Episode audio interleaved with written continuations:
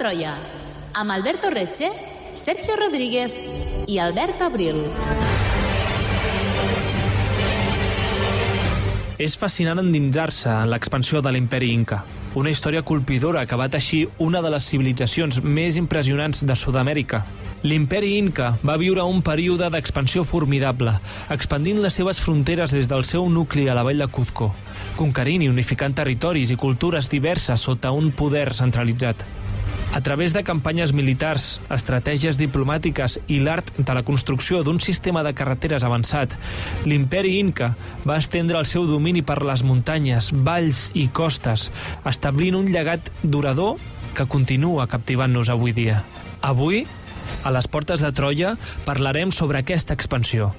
Com va ser l'arribada dels espanyols de la mà de Francisco Pizarro i l'inici de l'aventura del gran riu Amazones.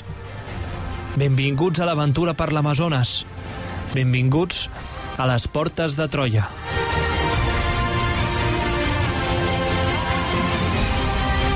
Benvinguts i benvingudes una setmana més a les Portes de Troia, el programa de ràdio d'història de la xarxa de comunicació local, des dels estudis de Ràdio Castellar. Avui per parlar de l'expansió de l'imperi Inca i l'arribada dels espanyols en un doble programa, en un pack de dos, on també acompanyarem aquest tema més endavant amb la conquesta i la navegació de l'Amazones i ho fem amb el nostre historiador de capçalera, Albert Abril.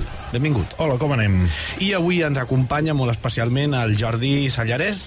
Ell és llicenciat en Història i professor de l'Institut Leonardo da Vinci. Benvingut, eh, Jordi. Hola, moltes gràcies, bon dia. Molt content d'estar aquí. Molt bé. Jordi, explica'ns una miqueta de què, quin és el tema de què ens parlaràs avui. Bueno, com heu comentat, farem um, un parell de, de programes. M'agradaria parlar de una mica la història del Perú, vale? a partir de l'arribada dels espanyols o dels castellans doncs se seria a cavall del segle XV i segle XVI, principalment, però òbviament per poder, poder parlar de la història de l'imperi Inca sí que caldrà remuntar-nos una mica enrere. Molt bé. Segueix-nos a facebook.com barra Portes de Troia o a Twitter arroba Portes de Troia. Descarrega't el podcast des d'iBooks o iTunes.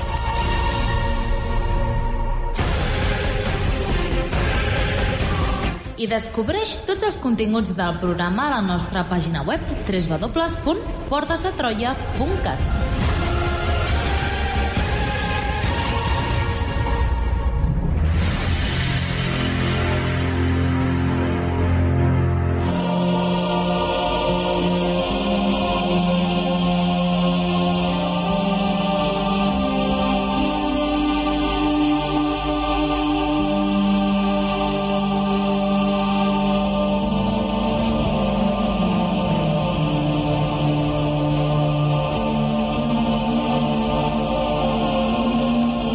bé, Jordi, doncs aquesta cançó amb la que estrenem el programa d'avui, eh, què ens pots explicar d'ella? Bueno, és una mica començar pel final, perquè aquesta cançó eh, que hem escoltat eh, forma part de la banda sonora d'una pel·lícula que es diu Aguirre, la cólera de Dios, uh -huh. en el seu nom original Aguirre der Zorn Gottes, no sé alemany, però bueno, pel·lícula dels anys 70 del gran director Werner Herzog, que ens explica la història o de l'expedició de Pedro de Ursúa i Lope de Aguirre. Van fer a l'Amazones també a mitjans del segle XVI, que això en parlarem més endavant, però sí que convenia, on vaig considerar que començar aquesta cançó més amb aquest aire tan èpic i tan misteriós donava un punt de- d'intriga a l'inici del programa. Sí, D'alguna manera ja ens estem fent... És una mica el cliffhanger per, per la gent que arribi fins al final, Exacte. fins al final, a més a més. Fins al final, perquè és un ja tota la, tota la substància, tota la xitxa, i es farà, es farà esperar, però arribarà. O sigui, arribant. el Jordi s'està marcant un Nínive 1, no? Uh, s'està marcant, de fet, s'està marcant un Heracli 1. Heracli 1, Perquè correcte. Nínive 1 no és re- res més que la continuació d'Heracli 1 a Heracli 2. Molt bé, m'agraden aquests crossovers que fem entre programes. També anunciem que d'aquí Que- no gaire tindrem un Nínive 2. Uh, anunciem que d'aquí no gaire tindrem... No sé quan. No sé quan. No sé quan, però en tindrem un Nínive 2. De moment, com ens explicava el nostre convidat d'avui, el Jordi, eh, parlarem de la història del Perú abans d'arribar als castellans i també un cop ja ja arriben i com canvia la cosa, però per parlar del tema que avui abordem hem d'explicar explicar als nostres oients uh, les característiques del territori i per on ens mourem, perquè és important parlar de geografia com a prèvia avui. Um, bueno, jo, jo crec que um, per parlar d'una cultura, de la història d'un país, uh, és im important conèixer la geografia del país, pot, perquè també al final, no vull sonar determinista, però al final el clima, la geografia condiciona uh, l'esdevenir de les cultures i la seva evolució.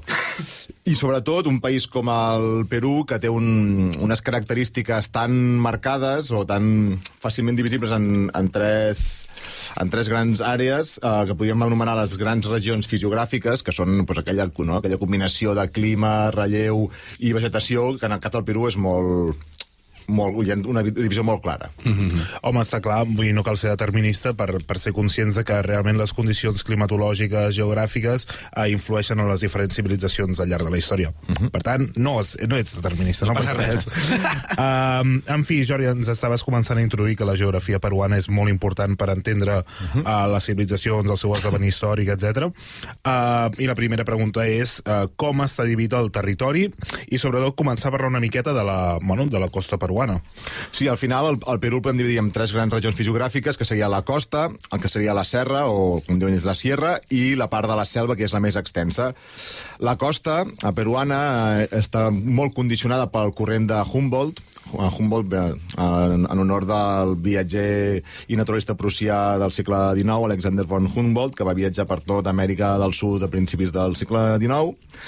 Aquest corrent de Humboldt el que fa, o que prov està provocat per una surgència d'aigües profundes amb molt baixa temperatura de l'oceà Pacífic que sorgeixen davant de la costa de Xile i flueixen cap al nord, seguint tota la costa d'Amèrica del Sud, fins a arribar més o menys a la frontera entre el Perú i l'Equador, quan tornen a fluir cap al centre de l'oceà.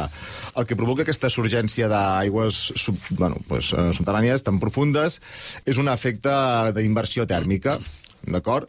Uh, el que provoca això, pues, un clima molt més fred, molt més àrid, uh, quan realment estaríem, per tema de latitud, parlant d'un clima intertropical, com el que sí que podem trobar, per exemple, a la costa de Colòmbia o la costa pacífica de l'Equador. Mm. En canvi, aquí, a la costa del Perú, és un clima molt àrid i molt més fred del que podríem imaginar.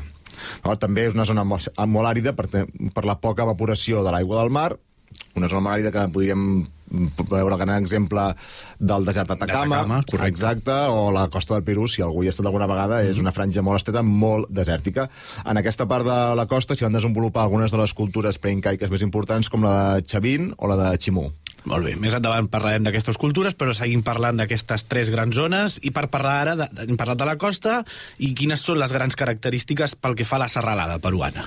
La serralada serà una, una, una, és una de les regions més importants. El, el Perú és un país que està travessat pels Andes, de nord a sud, el que seria la part coneguda com els Andes centrals, que forma una doble línia de, de muntanyes amb un gran altiplà al mig on s'hi situen les grans, eh, algunes de les grans ciutats més conegudes actualment, com Arequipa, com Puno, que és una ciutat que està al costat del llac Titicaca, o Cusco, que té una gran importància, la gran capital de l'imperi Inca, perquè és una ciutat que està a més de 3.000 metres sobre el nivell del mar. Mm -hmm. Imaginem-nos com si estiguéssim vivint a l'alçada de la pica d'estats, de forma sí. constant. En, uh, en els Andes peruans hi destaquen grans cims com el Huascarán, de més de 6.700 metres sobre el nivell del mar, per tant, una serralada molt important, i també això mm, influirà molt també a la, a la forma que tindrà la conquesta dels castellans, al final haver-se d'enfrontar amb aquest tipus de, de desnivells i de mm. i de geografia tan agresta també tindrà un impacte molt important. I finalment ens toca parlar sobre la selva, que ja ens has avançat abans que és la regió més gran de les tres que has diferenciat. Exacte, la regió més gran, formada per la conca de l'Amazones i tots els seus afluents. Uh, és la conca hidrogràfica més gran del món. Hi trobem multitud de rius que, comparat amb qualsevol riu europeu, doncs, no, els rius europeus semblien un, un riadol. Exacte. El destaquen alguns rius com el Ucayali, el Marañón, el Rio Negro, tants d'altres, alguns dels quals sí que tindrà molta importància en el que explicarem més endavant, quan comencem a parlar de les primeres navegacions de l'Amazones. És una zona amb clima tropical humit, no cal dir-ho, uh, i sobretot tindrà importància al final d'aquests programes quan parlem de la cultura dels omagües i els primers uh, navegants castellans que se'ls van trobar. Molt bé, ja n'has citat algunes uh, i per tant aniran sortint al llarg del programa, però abans dels, de, abans dels incas acabes de citar els omagües, han sortit el Xavín, Ximú, cultures que hi havia prèviament a l'establiment de l'imperi Inca i, per tant, eh, qui- quines són? Explica'ns una miqueta més aquesta, aquests eh, antecedents preincaics. Exacte. El Perú és un país molt extens, amb comunicacions per la seva orografia molt complicades, però que sí que al llarg de la història, almenys el que se sap, que tampoc no és moltíssim, però sí que hi ha hagut eh, tres cultures anteriors als inques que van intentar trencar amb aquest aïllament, marcat tant per la geografia i per l'orografia i que tenien una certa voluntat unificadora tant de zones de la costa com de territoris més de la zona de la serra. Primer de tot, podríem parlar de la cultura de Xavín, que es va desenvolupar entre els segles VII i primer abans de la nostra era, que des de zones també de la costa va acabar estenent-se per algunes zones dels Andes centrals. Posteriorment, podríem parlar de les cultures de Huari, també ubicada als, als Andes centrals, i la de Tijuanaco, la meva pronunciació d'alguns noms en quichua o mare, vull dir, són una mica freestyle, vull dir que no... Ningú si algú que- que domini aquest dia, aquests dialectes, aquestes llengües, que em perdoni, Crec que nosaltres ens estem posant també en un fangar aquí, vull dir que no... No res. Al llarg d'aquests dos programes que ja ens ha avançat en Sergio, que seran dos, uh, crec que ens enfrontarem a diverses pronúncies que segurament trencarem moltes llengües precolombines, així que disculpes per avançat. Exacte. Uh, doncs això, la cultura de Tijuanaco, que es desenvolupa també en aquesta zona de l'altiplà, entre les dues grans serralades dels Andes, una, una, i extén la seva zona d'influència al voltant del llac Titi- Titicaca i uh, es desenvolupa juntament amb la cultura de Huari de forma paral·lela o simultània entre els segles I i XI ja de la nostra era, que, però cadascuna té les seves zones eh, d'influència regional i les seves característiques pròpies. I finalment, entre els segles XI i XV eh, es viu un període de fragmentació um, que realment podríem anomenar com una etapa una mica més, més fosca, en la qual aquestes cultures d'Iwanaco i de Huari entren en decadència. Mm -hmm. vale, totes aquestes cultures que havien tingut aquesta voluntat unificadora entren en decadència i no tornarà a haver-hi una gran cultura amb aquesta voluntat d'unificar tots aquests territoris de la costa i de la serra de, de l'actual Perú fins que aparegui ja la cultura incaica. Per tant, aquest període de fragmentació que menciones eh, queda bastant relacionat amb la consolidació del poder inca.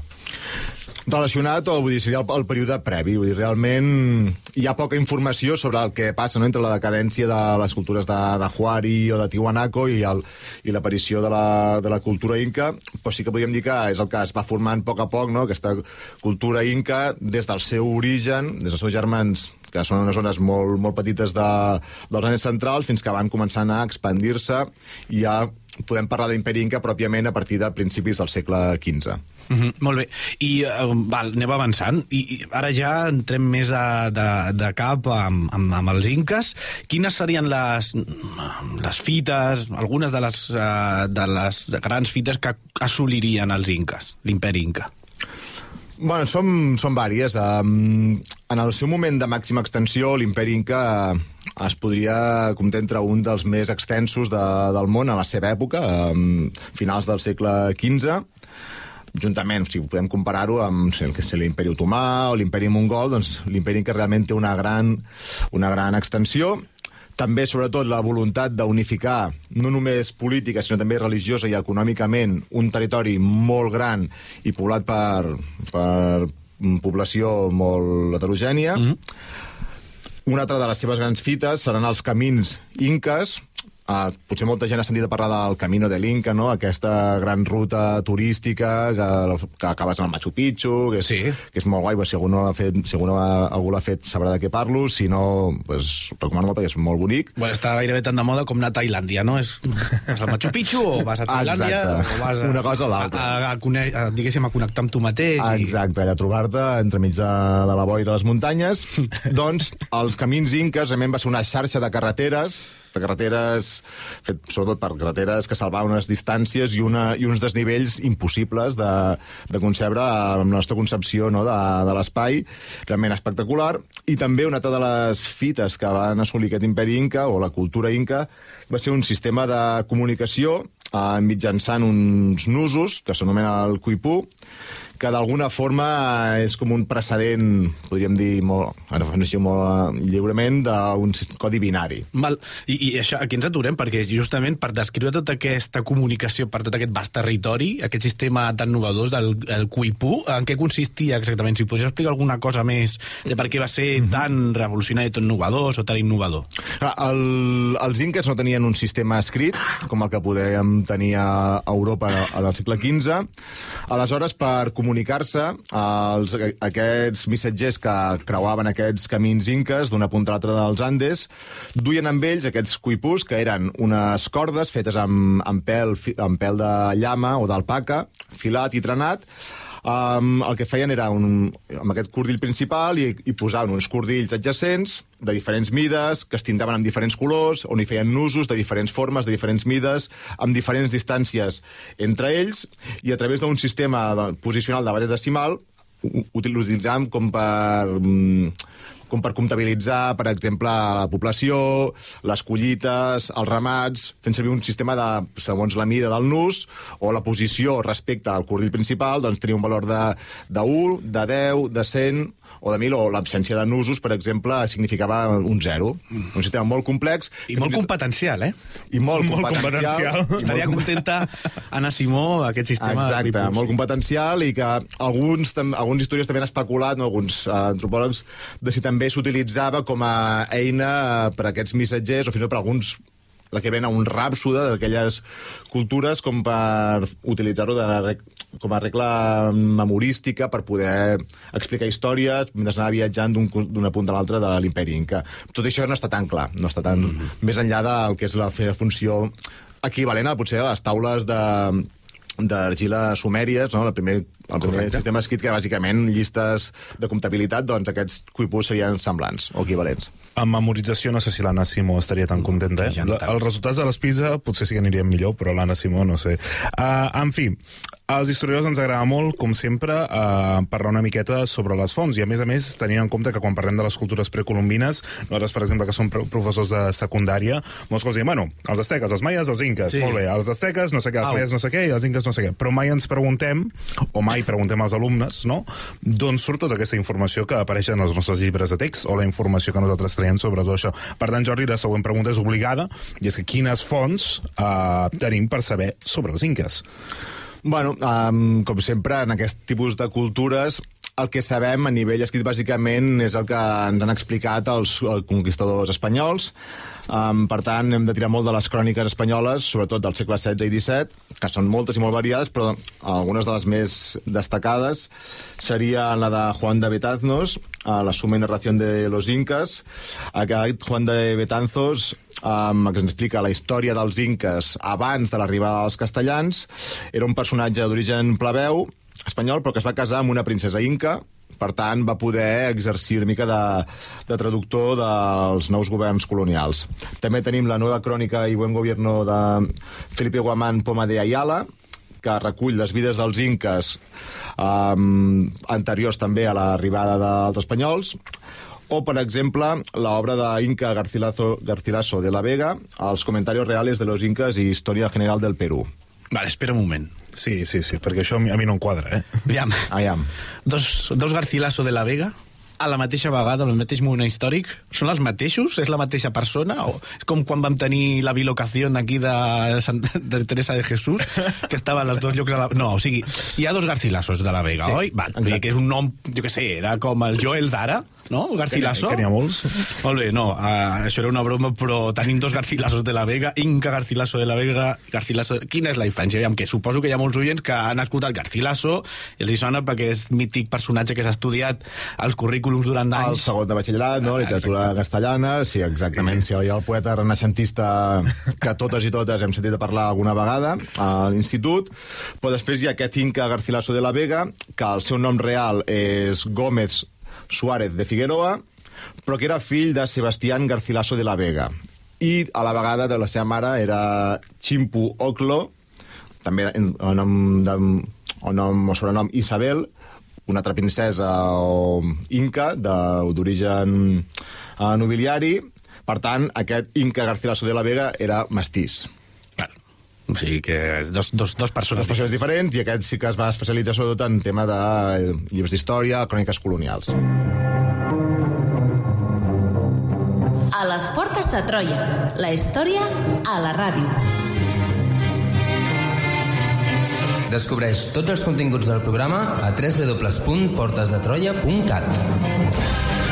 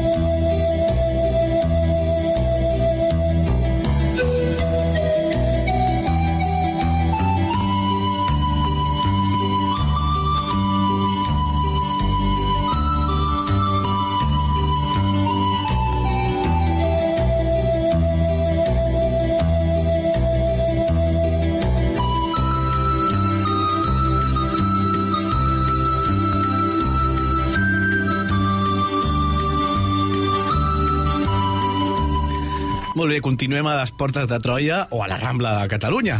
Però, de moment, el Còndor passa, cançó... Eh, Cançó mítica, que totes i tots hem sentit alguna vegada, sigui a Plaça Catalunya, a les Rambles, o si algú s'ha pogut ficar una mica místic a casa seva.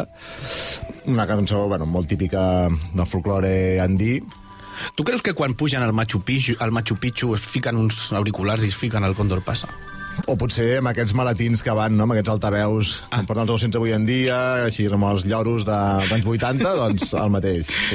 Molt bé, continuem perquè estàvem parlant de- d'aquest moment de, dels inques i, i jo quan estic pronunciant la paraula, atenció, Tawantinsuyu, a què m'estic referint, Jordi? Ho he dit bé? Sí. Sí, sí, sí, prou bé. Però, però igual de bé que ho puc pronunciar jo, Tawantinsuyu, mm. és el país de les quatre regions, o suyus, en llengua quichua. Per tant, aquests quatre suyus o regions són el Chinchansuyu, que comprendria el que seria el centre i el nord del Perú, fins a arribar a la zona de l'Equador, mm -hmm. el Kuntinsuyu, que comprendria la costa sud del Perú, Antisuyu, al nord-est de Cusco, i zona de ja entrant cap a la selva amazònica, i finalment la zona del Colla Suyu, que seria el que comprendria al voltant de la riba del llac Titicaca, la part oriental i occidental de Bolívia, al nord de Xile i Argentina, per tant més cap al sud de l'actual Perú. Molt bé, i si et sembla anem a conèixer amb una mica més de profunditat la història dels inques abans de l'arribada dels europeus en els moments de la seva expansió inicial, Jordi.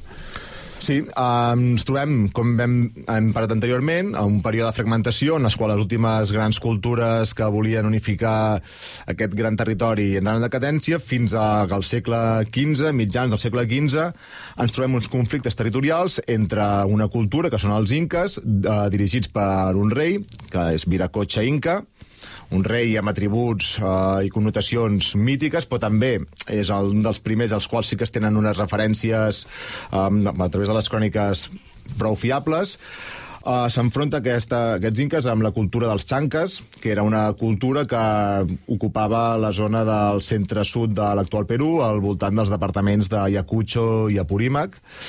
Aquest uh, rei Viracocha, o Inca Viracocha, envia el seu fill, que es deia Inca Kusi Yupanqui, a derrotar aquests xanques, aquesta altra cultura, però quan el seu fill, eh, victoriós, torna a Cusco, s'enfronta al seu pare i l'acaba destronant. Molt bé. Un cop destronat el seu pare, eh, Inca Kusi Yupanqui es rebateja com a Pachacútec, que vol dir en llengua quichua el que fa tremolar el món. No tenia àvia, aquest senyor? Exacte. No. I es fa anomenar fill del sol o Intichuri. No tenia àvia, definitivament. No, no, definitivament. tampoc. No. Molt bé, doncs per tant, tenim a, a, a Pachacútec, el govern inca, I, i, i d'aquest senyor que ja hem dit que doncs, tenia un ego bastant important, um, quines són les seves obres? Què podríem destacar del seu pas que, com a primer inca? Quina és la seva activitat destacable? Doncs aquest Pachacútec destaca sobretot per tenir un regnat bastant llarg, de gairebé 40 anys, tot i que va, un, va tenir una època de corregnat amb un dels seus successors, va expandir uh, l'imperi fins, uh, fins a les Terres Altes del Perú i arribant fins a la zona del llac Titicaca. També va enviar el seu germà adoptiu, Capac Yupanqui, a conquerir les valls costaneres de Chincha i Suyo, que seria la costa centre del Perú, al voltant de l'actual ciutat d'Ica, que també és un centre eh, turístic bastant conegut del Perú, però també és... m'agradaria destacar que les seves conquestes militars van anar sempre acompanyades de unes relacions basades en el soft power. Vale? Seria a través d'intercanvis comercials o culturals que podien ser fructífers per les dues parts en, en contacte, a diferència del que podria ser unes relacions de hard power, que seria l'amenaça, l'agressió, la conquesta o la guerra directa. Vull dir que sí que hi havia conquestes militars, però també hi havia una voluntat de, bueno, anem, no, anem, a, anem assimilant... assimilant de forma d'intercanvis comercials, d'assimilació cultural, però no sempre a través de l'agressió. Mm -hmm. I si haguessis de destacar alguns episodis o alguns elements del regnat de Pachacútec, uh, quins serien? Pachacútec, entre les seves hores de govern, va reconstruir la ciutat de Cusco com a capital de, mm, de l'imperi i també destaca uh, la, una reforma administrativa que va fer en l'imperi basada en l'adquisició per part de l'Estat de totes les terres i tot allò que s'hi trobava. Ui, oh, curiós, aquí, amb el que podríem anomenar una, un, entre moltes cometes, un sistema de planificació estatal un ui. antecedent molt... Ui, dos. Ui, ui. Ui, dos. Ui. Com funcionava aquesta administ nova administració? Tot allò que estava mm, a formar part de l'Estat, totes aquestes terres, aquestes propietats, eren explotades per grups d'obrers i camperols i artesans mm -hmm. que produïen tot allò que l'Estat requeria a canvi d'una manutenció, però sense haver-hi cap tipus d'intercanvi monetari. Vaja, vaja. Uh, em sembla curiós aquest personatge. Sembla eh? curiós. Sí. Interessant. Però clar, podríem dir, ostres, és un sistema protosocialista, bueno, amb diríem que no, del món. amb totes les cometes del món, però o sigui, és un sistema de planificació estatal, només aquests obrers, aquests camperols, han de produir això i us mantenim. Molt bé. Uh, a Pachacútec el continua a Tupac Yupanqui. Uh, ell, aquest uh, continuador, serà continuador de l'obra de Pachacútec, seguirà expandint l'imperi inca. Jordi, com, com es va caracteritzar el seu mandat? Vale. Um, Pachacútec uh, regna o viu una època de corregnat uh, entre el 1471 fins al 1478, any de la seva mort, amb el seu successor, Tupac Yupanqui. Um, aquest successor expandirà l'imperi Inca fins al regne de Chimú, a la costa nord de, del Perú, encara això en vida de, del seu antecessor, de Pachacútec, també prossegueix la conquesta de l'Equador, però sí que fracassa en els intents de conquerir la zona de selva amazònica. De, uh -huh. Um, per tant, veiem que és un gran... Bueno, és una època de gran expansionisme perquè veiem que Tupac Yupanqui fa tant campanyes cap al nord com cap al sud. Vull dir que um, sí que tindrà molta um, una gran capacitat militar per poder mm. o intentar expandir al màxim de, el seu territori. Uh -huh. Per exemple, uh, haurà de reprimir també les revoltes que hi haurà a les, uh, dels maputxes, els indis maputxes, originaris de la zona de Xile i de l'Argentina, el que seria la, conegut com les revoltes del Colla i Suyo, o les guerres inca maputxes, també és, eh, finalment, aquest inca eh, Tupac Yupanqui va morir enverinat per una de les seves esposes, que no estava disconforme, entenem, potser no va estar del tot conforme amb l'elecció del successor. S'ha de tenir en compte que um, Tupac Yupanqui tenia més de 60 fills. És Val? Algú, amb, entre totes les seves fills. esposes i concubines, perquè també s'ha de dir que els inques uh, tenien, bueno, eren una cultura polígama, per tant, tenien moltes dones, les oficials, però a part també tenien les concubines, això feia que tinguessin molts fills. Mm -hmm. És a dir, sembla o, si més no, sembla, entre cometes, no, agafat amb pinces, que Tupac mor enverinat per escollir a Juliana Capac com a, com a hereu. Escolta, jo, havia, jo, crec, jo crec que havia aconseguit que els noms complicats els diguessis tu tota T'ha l'estona. tocat a tu. Però veig que al- algun cau. Uh, Huayana Capac, no? Jo penso que me n'he sortit prou bé. Uh, o aquí les fonts orals ens estan fent una mica una jugada. Bueno, no sap molt bé, uh, realment, però si tenia en compte que, com hem dit abans, eh, ser una cultura polígama, que tenien gran quantitat de dones i molts, i realment molts fills, Tupac va tenir més de 60, però el mateix Huayna Capac, el seu successor, les fonts diuen que va tenir més de 200 fills. Hòstia.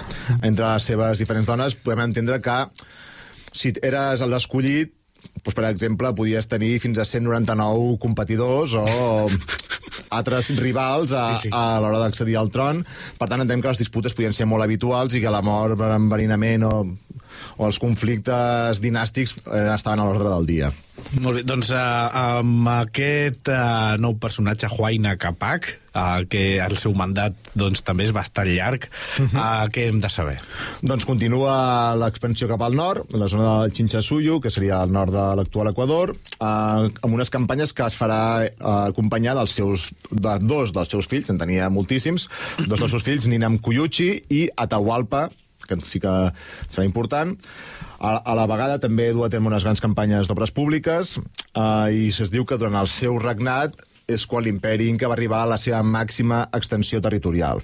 Però també va acabar fracassant algunes de les campanyes a les selves de l'Equador i sí que va decidir um, canviar de la residència des de Cusco fins a la costa de l'Equador, com dèiem al principi. La costa de l'Equador, que sí que té un clima tropical, més càlid, més benigne, o viure a Cusco, a 3.000 metres d'alçada, un clima molt sec i molt fred, doncs va preferir la bona vida, la gossadera. Molt bé. Però també, finalment, uh, Huayna Capac uh, enmalalteix de xarampió o de varola. Mm, Les fonts aquí no, no ho tenen del tot clar. I mentre uh, emmalalteix, o quan emmalalteix el 1525, escull el seu fill Ninam Cuyuchi com a hereu. Però quin problema hi ha? Que Ninam Cuyuchi mor abans, que, tam també de varola, però abans que el propi Huayna Capac. O sigui, l'ha escollit com a hereu, però s'ha mort abans que ell. Exacte. Hòstia. Val, Això i ara, ara omplirem aquest, aquest dilema. Però no passa res perquè hi ha molts altres candidats. Hi ha molts altres candidats, però bueno, això també a vegades pot ser un problema. Escolta, Barola, Xarampió, ja, ja tenim aquí... És possible que tinguem aquí ja les primeres, eh, diguéssim, mostres de les epidèmies, eh, de les malalties que no es coneixien en aquell territori portades pels europeus? És possible? Doncs és possible, és possible. De fet, hi ha alguns estudis recents que mm, a través de la història de la, de medicina, de la ciència, d'epidemiòlegs, sí que mm, relaciona una mica a les epidèmies de varola eh, que podien arribar al continent americà amb la mort de milers i milers de persones. Es calcula que mm, gran part de la classe dirigent del Tawantinsuyo va morir de varola. Algunes fonts ens indiquen que gairebé la meitat de la població devia morir. Però què passava? Que aquesta varola, aquest xarampió, podien haver portats pels espanyols, això sí que mm, pocs estudiosos eh, en dubten, mm -hmm. podien haver arribat a aquest Tawantinsuyo, al Perú, abans que els propis espanyols. Al final que les bactèries, no, que aquests virus eh, poguessin viatjar més ràpid que els propis espanyols, i, o sigui, arribant als espanyols ja amb la feina mig feta, podríem dir. O sigui, què passava? Aquesta, um, aquests virus es trobaven en una població sense defensa i sense immunitat que sí que els europeus tenien. I això el mateix que va passar a Mèxic o a, tant, o a les illes de, del Carib amb l'arribada dels espanyols. Uh, a veure, per recapitular una miqueta, uh, se'ns presenta un gran problema, no? perquè l'escollit per uh, Huayana Capac també mor de, de Barola, però ens queda un nom que abans ja has destacat, que és Atahualpa, que és un nom que ens sona una miqueta més, els historiadors que no som especialistes en el, en el tema, però és un nom que ressona. Uh -huh. uh, com s'acaba d'omplir aquest buit de poder que queda? El que passa a continuació és el que es coneix com la Guerra Civil Inca, perquè al final mm, un dels dos fills, un, el fill escollit mor de Barola o de Xarampió, aleshores tenim Atahualpa, però Atahualpa era vist com un fill il·legítim, com un fill bastard per gran part de la noblesa cusquenya, que escullen, aquests nobles cusquenys, eh, escullen a Huáscar com a hereu i fill legítim de Huayna Capac. Això provoca eh, la ira d'Atahualpa i eh, simplement es revela contra el seu germà. Vale? No ret pleitesia a Huáscar, es subleva i s'inicia la Guerra Civil, que és el que es trobarà Pizarro amb la resta dels espanyols quan desembarquin a, a Tumbé és al cap de poc O temps. sigui, els espanyols es troben que, primer, la- l'epidèmia que ells han fet arribar, i han arribat, ja ha arribat abans que ells, Ja que que, això, ja o sigui, que fet la feina, o la meitat de la feina, que el tema de l'epidèmia ja està bastant, això, estudiadíssim fa moltíssims anys, però el tema que ha arribat abans que els, espany... que els castellans, en aquest cas, doncs, sí que, sí que s'escolta menys, és un element més, més interessant de comentar. Però és que, a més a més, es troba que hi ha una batalla pel poder a l'imperi Inca, o sigui, és que, clar, és arribar a, a taula posada, eh? Vull dir, Exacte. a taula parada, millor dit. T'encanten els paral·lelismes amb el, amb el menjar, eh?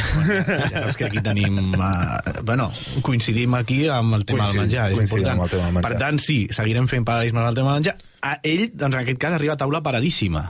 O sigui, tot està Totalment, arriba sí, sí, al moment adequat, o sigui, el dia i hora adequats totalment. Uh, però què passa amb aquesta guerra civil? Atahualpa derrota en batalla les tropes del seu germà o germanastre Huáscar a la batalla de Quipa i Pompa, l'abril del 1532, Huáscar acaba- acabarà fugint a Cusco, que serà posteriorment saquejada per les tropes d'Atahualpa. Huáscar serà detingut i executat, mentre Atahualpa mou la seva base d'operacions a la ciutat de Cajamarca, que està al nord del país, a prop de la frontera amb l'Equador, on es prepara per celebrar el seu triomf. A les portes de Troia. Descobreix la teva història.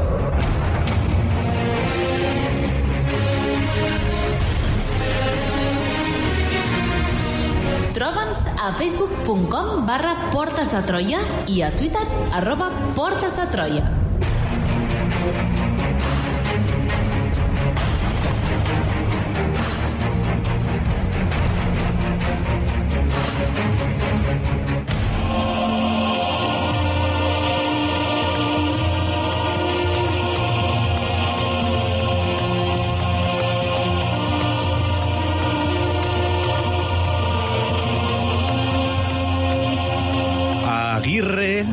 Això també ens està preparant pels eh, personatges eh, tan, tan, tan contraposats que veurem al pròxim programa, no? Aquesta cançó. Sí, perquè ara mm, aquesta cançó també forma part de la banda sonora de la pel·lícula Guerra la còlera de Dios, però també ens va com anell al dit per presentar no, el primer castellà que arriba al Perú, Francisco Pizarro, um, Natural de Trujillo. de Trujillo Cáceres. Cáceres. Uh, el veurem fent d'àrbitre en aquest conflicte entre Huáscar i Atahualpa. Uh -huh. que, quin serà el paper que durà a terme en aquest conflicte i, i quin serà, diguéssim, el seu paper en la conquesta de l'imperi Inca? Doncs, bueno, com dèiem abans, uh, Pizarro aprofita una finestra d'oportunitat única que s'hi presenta, però primer com arriba aquí, no?, aquest personatge. Uh, Francisco Pizarro, com uh, coneixem, no?, o uns oients deuen conèixer, és, uh, forma part d'aquesta classe d'hidalgos empobrits de, de Castella, que un cop s'acaben no? la, la conquesta del regne de Granada es queden sense feina i veuen en la descoberta no? d'aquest nou món una possibilitat de seguir amb campanyes d'enriquiment personal. Uh, en aquest cas, uh, Francisco Pizarro es fogueja a la conquesta del Panamà, um, que està explicada pel professor Antonio Espino en un, en un llibre La conquesta de, i la invasió d'Amèrica, on a Panamà sentirà parlar Francisco Pizarro d'un país, el Viru, amb B i amb I, no Perú, mm -hmm. el Viru, El Viru. que els indígenes eh, descriuen com una terra riquíssima en or i plata. Aleshores, eh, Francisco Pizarro, amb algun dels seus acompanyants, com Allà vull. Diego de Almagro... Or i plata, decideix, cap allà. Exacte, arribar, bon, marxar cap a aquesta terra desconeguda i desembarca, desembarcaran a la ciutat de Tumbes, una ciutat que està just a la frontera entre l'actual Perú i l'Equador, trobant-se, com dèiem, amb la finestra d'oportunitat única. Arriben del no-res amb un exèrcit minúscul, format per, segons les cròniques, 180 soldats i 37 cavalls, però veient-se ells mateixos fent d'àrbitre en un conflicte eh, eh, per la successió del tro dels inques. Què farà Francisco Pizarro? Fent d'àrbitre es decantarà per un dels dos. En aquest cas, Huáscar, tot i que Huáscar havia estat ja executat.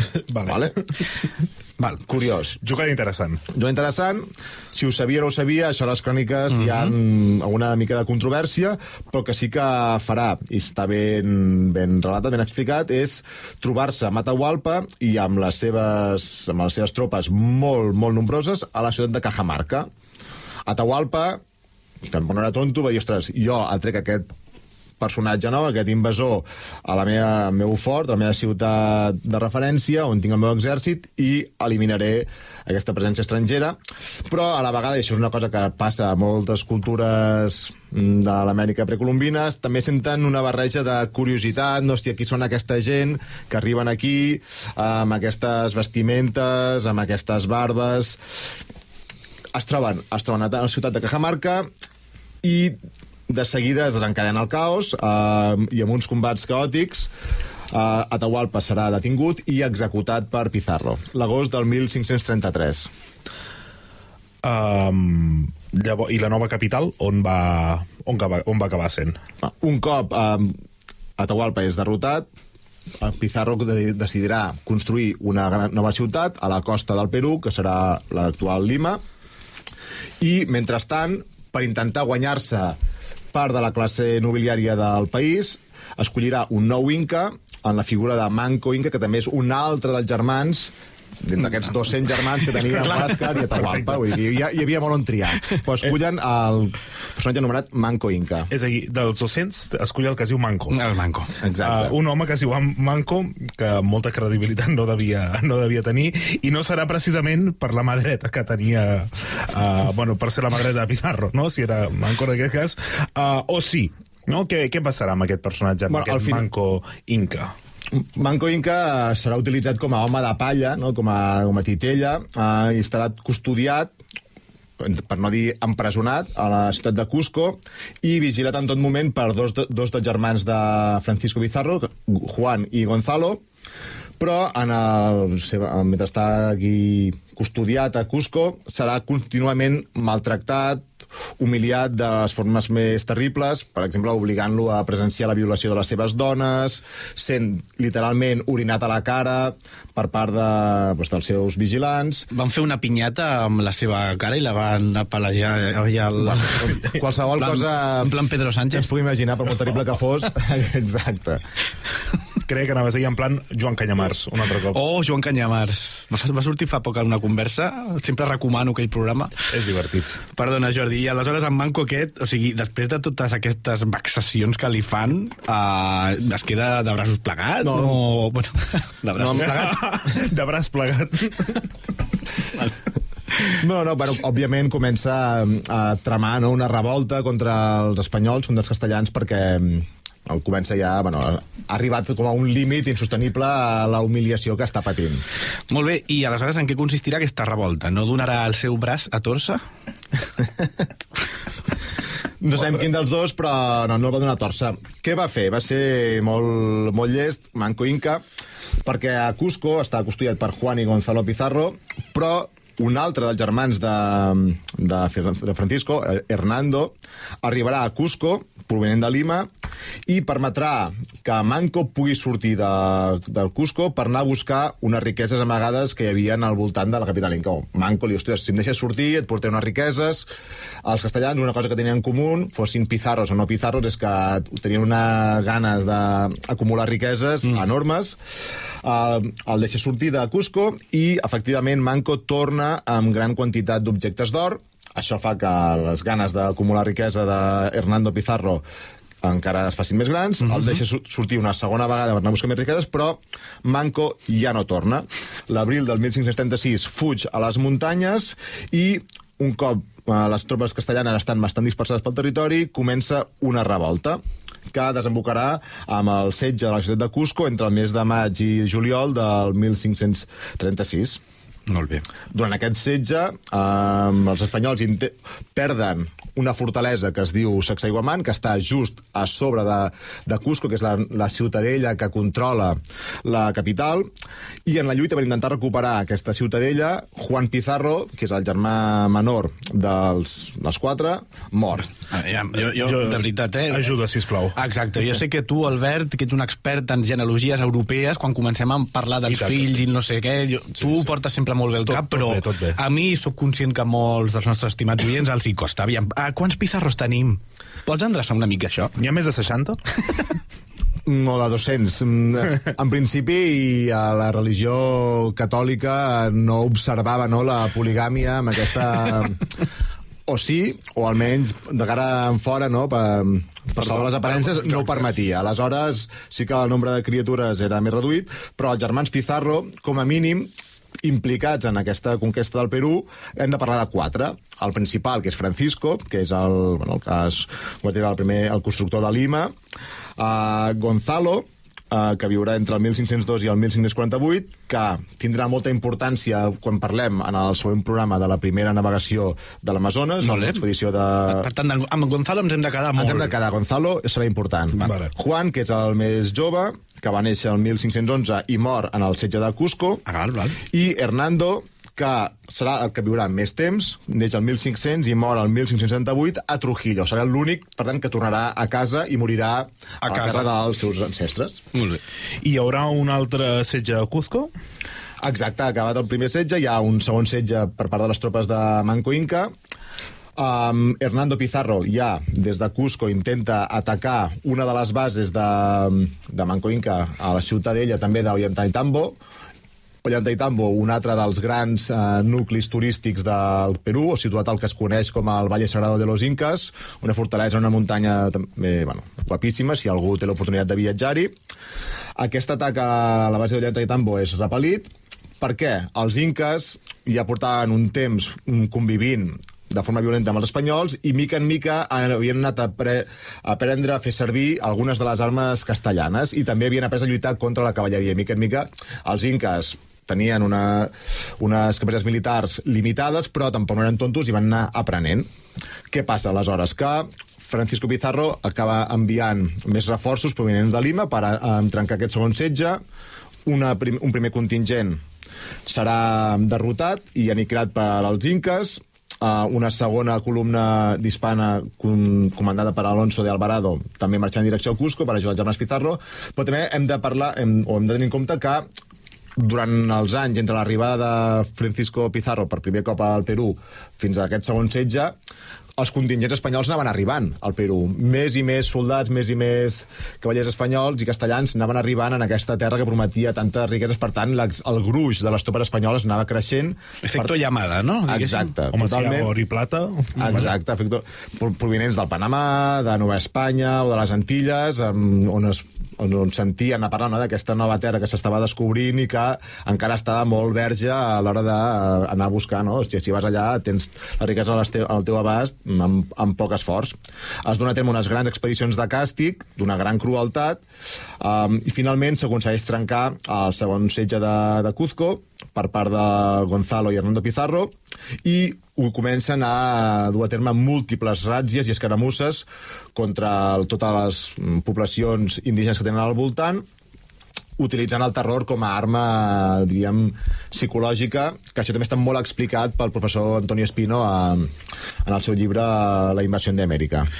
Molt bé, i uh, Jordi, serà amb, ja amb l'arribada del Magro, uh, ja, amb el Cap Cot tornant de Xile, que això ho donaria per un altre, uh -huh. per un altre, per un altre programa, eh, per una altra història. Uh, ja seria amb el, amb el Magro que aconseguiran uh, trencar el, ja trencat el segle de Cusco, el, perdó, el setge de. Cusco. Com acaba la cosa? Eh, Diego de Almagro, que havia, mm, per la seva banda, fet aquesta expedició contra els indis a Xile, fracassa, torna cap al Perú i ajuda amb les seves tropes a trencar aquest setge. Manco Inca acabarà fugint a, a la zona de muntanyes, el que es coneix com el regne de Vilcabamba, on acabarà morint el 1544. Aquest regne de Vilcabamba serà l'últim reducte dels inques en oposició als espanyols fins al 1500 al 1572, quan Tupac Amaru, l'últim inca independent que vivia en aquest regne de Vilcabamba, serà detingut i executat. I sabem que va existir un, confi un conflicte entre Gonzalo Pizarro i Diego de Almagro. Com, com van anar les coses? Um, òbviament, un cop s'ha acabat amb els inques, um, queda tota... Ens hem de repartir el Ens botí, hem de no? repartir el botí. Com ho farem, això? Doncs els espanyols, en aquella època, tant podia passar a a Mèxic com aquí al Perú, és a hòsties, no? Aquí la té més grossa, Exacte. aquí la té més llarga, i es, i es produeix aquesta guerra civil eh, castellana al Perú entre els seguidors del clan dels Pizarro i els seguidors de Diego de Almagro dura aquesta guerra entre el 1536 i el 1538. Altre cop, hem de parlar del llibre del professor Antoni Espino, Plata i sangre, la conquista de l'Imperio Inca i les guerres civiles del Perú. Per tenir mm, més informació, uh -huh. bàsicament és una rivalitat en, per veure qui aconsegueix més riqueses, més quotes de poder, més terres... Um, aquesta guerra civil acaba amb la batalla de les Salines, el 6 d'abril del 1538, quan Hernando i Gonzalo Pizarro derroten a les tropes almagristes. Dos anys més tard, Francisco Pizarro encomanarà al seu germà, Gonzalo, una expedició cap al país de la Canela. Val, I aquí ja ens aturem perquè ara ja ve... Aquí ens aturem, Clar, un momentet. Ens aturem un momentet perquè ara ja comença la part més uh, aventuresca de tot plegat, no? Perquè Exacte. ja hem fet, ara ja ens hem situat en el moment on s'han derrotat els inques, comença el conflicte per dirimir i per, per repartir-se el botí, com ha passat sempre en la història, i per tant aquí ja tenim doncs, els primers moviments polítics, en aquest cas Francisco Pizarro, que eh, realment el que vol és treure's de sobre el seu germà, i aleshores Jordi aquí uh, l'envia al país de la canela. El... De què nassos estem parlant? De què, venen a parlar de, de canela ara? On és l'Alberto quan el necessites? Exacte. Bueno, el país de la... Bueno, primer de tot, el que deies, se'l treu de sobre. Exactament, i això passarà, en parlarem sovint, no?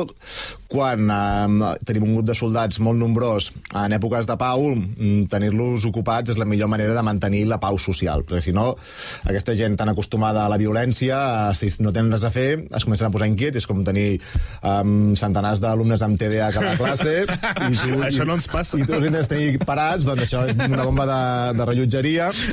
doncs um, Gonzalo devia tenir un TDAH molt avançat i Francisco va dir, saps què? Ves aquí al País de la Canela, que he sentit dir que hi ha un país molt ric en, en espècies i que també, pel que sembla, és pot, poden haver-hi el, el Dorado. Aleshores, um, Gonzalo Pizarro comença a preparar una expedició per anar a trobar aquest país de la Canela i també, de pas, trobar aquest El Dorado. Val, perquè ja n'hem parlat en alguns moments aquí a les portes de Troia, portem 400 i pico programes, hem fet programes sobre el Dorado, però breument re referència obligada perquè és com el marc l'encaix de tot plegat d'aquesta idea de la cerca del Dorado, no? Sí, al final el, el Dorado és un leitmotiv més que una, una, un lloc concret. Ningú sabia exactament què era el Dorado ni on estava, però tothom ens n'havia sentit parlar. Um, algunes, uh, algunes fonts diuen que prové d'unes cultures indígenes de la zona entre el que seria el Colòmbia i l'Equador, d'alguns reis que s'untaven el cos amb, amb partícules daurades, es tiraven dins uns llacs per fer com una mena de ritual cap al sol, i això el que a, a la ment dels espanyols devia ser l'equivalent a una ciutat mm, farcida d'or per totes bandes i es va convertir en una autèntica obsessió per tots aquests espanyols que arribaven a Amèrica. Trobar aquest dorado sense saber exactament on era ni per on havien de començar a buscar. I serà aleshores quan comença l'exploració cap al territori més oriental no? i l'interès manifest cap, bueno, per l'Amazones com a tal. Sí, perquè al final mm, totes aquestes, de, aquestes llegendes sobre el Dorado apuntaven que es trobava una zona a l'oriental, no? pues que seria ja passant de la zona de la serra, on sí que hi havia el nucli de l'imperi Inca, cap a la zona de les grans extensions selvàtiques de la selva amazònica, Um, però que l'interès manifest per l'Amazones no ben bé perquè l'Amazones, clar, en aquesta època encara no es coneixia. Hi havia, sabien que a partir dels Andes naixien un munt de rius, que baixaven cap a una, una zona de selva, però realment va començar una època de viatges cap a una terra totalment ignota, que no, no sabien què hi havia. Eh, els castellans no hi havien estat mai, ningú fora de les cultures locals havien estat mai, per tant, parlem d'un viatge cap al desconegut. Doncs eh, nosaltres ho deixem aquí, Jordi. Hem fet aquesta prèvia magnífica, ens hem quedat a les portes d'aquesta exploració Moltíssimes gràcies. De deixem per al pròxim programa també aquestes referències bibliogràfiques obligades. No ens dona temps avui, però com tenim un altre dia així ho farem. Moltíssimes gràcies a Albert Abril. A vosaltres, molt content eh, que en Jordi hagi- vingut. El Jordi Sallarès, que ens fa aquest primer de dos uh, programes dedicats al tema que estem tractant avui. Moltíssimes gràcies. Moltes gràcies a vosaltres. El Carlos Lecegui, el control tècnic, a la nau, a aquest Enterprise que ens han posat de taula de so nova a Ràdio Castellar, i qui us parla Sergio Rodríguez, i us esperem al pròxim programa de les Portes de Troia.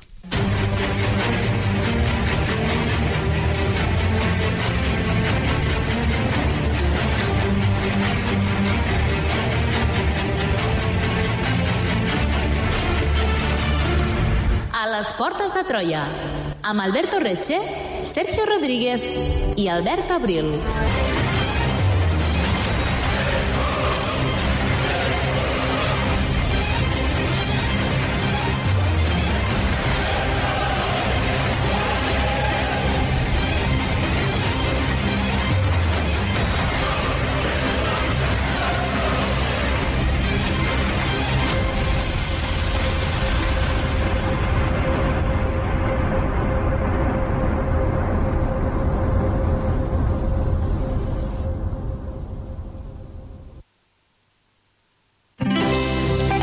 Escolta Ràdio Seu on i quan vulguis. Entra a l'apartat de ràdio a la carta de la nostra pàgina web i tria allò que més t'interessa de la nostra programació. Els informatius, les entrevistes, els programes musicals, culturals i esportius, la programació especial... On i quan vulguis, Ràdio Seu. A la carta des de la nostra pàgina web radioseu.cat.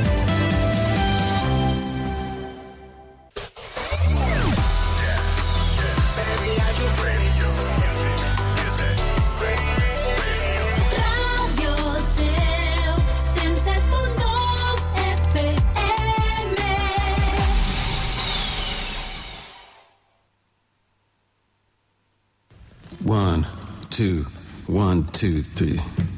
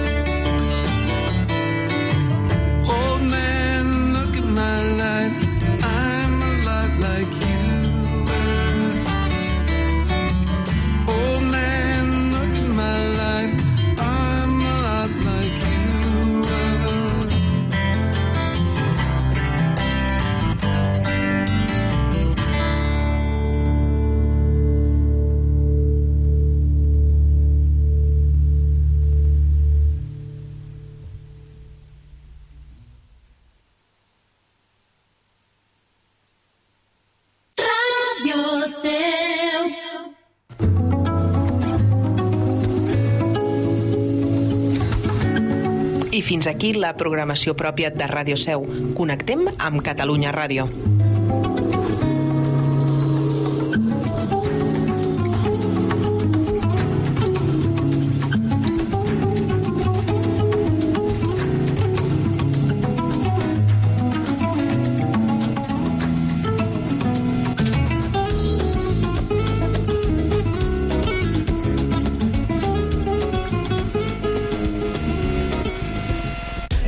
Li va semblar l'arbitratge al Bernabéu? Perdoneu que, que estic sense veu.